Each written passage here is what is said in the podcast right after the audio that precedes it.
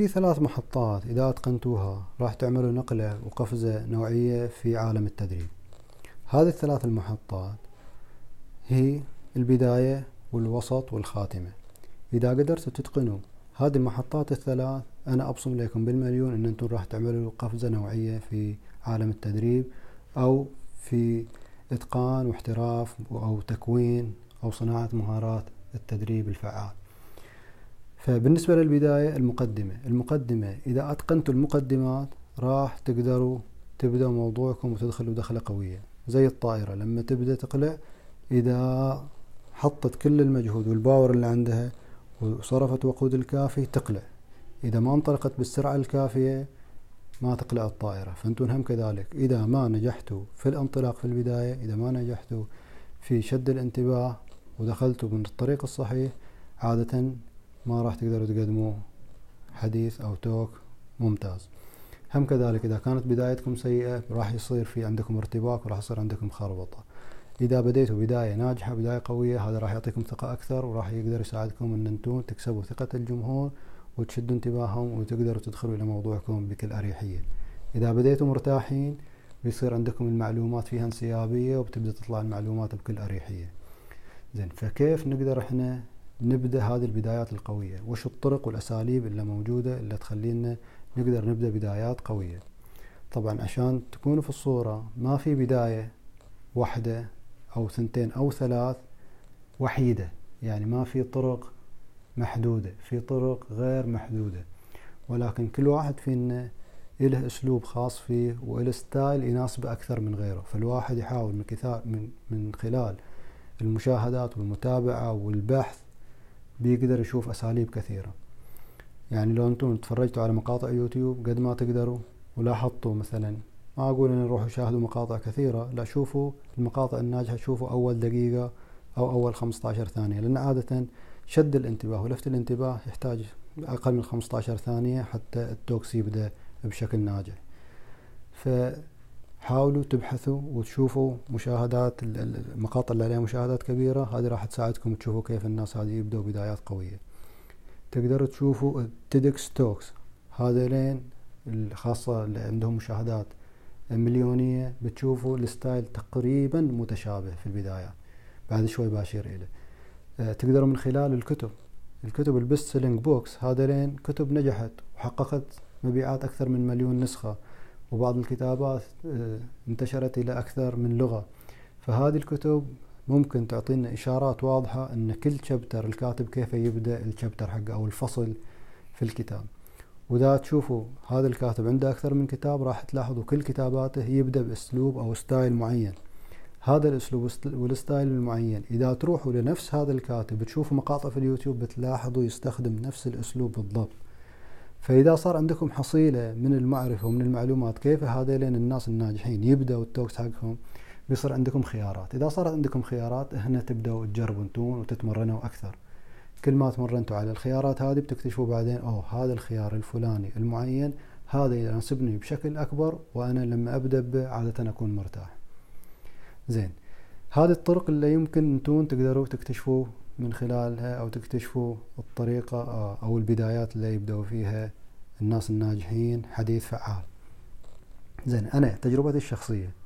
تجربتي الشخصية سويت أنا البحث من خلال كتب سويت بحث أونلاين سويت بحث على وقريت كتب اللي تكلم عن ال analysis حق ال TEDx talk ولاحظت البدايات لاحظت ثلاث بدايات جدا فعالة ومستخدمة على نطاق واسع. مرة ثانية مو هي أو هذه البدايات الثلاثة اللي أنا بقولها ما هي البدايات الوحيدة. لا في بدايات الواحد مقدمات يقدر يسوي لا محدود لا محدودة. ولكن هذه الثلاثة يمكن لأن كانت تناسبني أكثر أنا فهي اللي رسختها في ذهني وأعتقد أن أنتم تقدروا تستفيدوا منها بشكل يعني بشكل immediately. الآن الحين تقدروا على طول تستخدموها. الطريقة الأولى طريقة السؤال. لما تقولوا تعلم كيف تبني مشروع ناجح من الألف إلى الياء؟ كيف تبدأ presentation بطريقة ناجحة؟ كيف تصنع website خلال ساعة؟ كيف تعمل مثلا آه، app أو برنامج وتقدر تضيفه على ال Apple Store مثلا خلال كذا تعلم كيف تأسس business online تعلم كيف تسوي برنامج تدريبي ناجح؟ البداية عن طريق السؤال. يعني كأنما هذين الناس ال audience عندهم تساؤل في أذهانهم وجايين هم يبغوا يعرفوا الإجابة. فطريقة السؤال.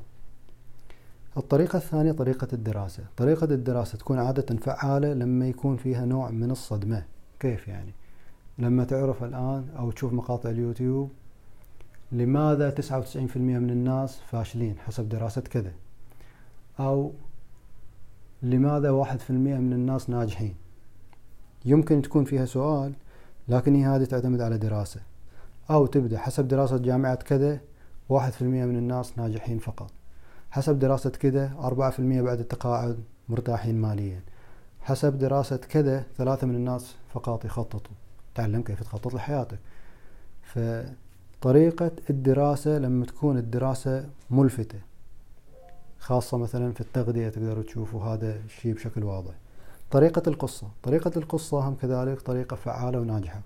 إذا تتابعوا ال TEDx talks خاصة باللغة الإنجليزية آه، راح تلاحظوا أن الغالبية منهم يبدأوا بقصة. يسلموا الميكروفون يدخل المحاضرة حتى يمكن ما يرحب بالجمهور على طول يبدأ في يوم من الأيام لما كان عمري كذا صار عندي موقف الفلاني واحد اثنين ثلاثة. فيعرض مشكلة من خلال قصة.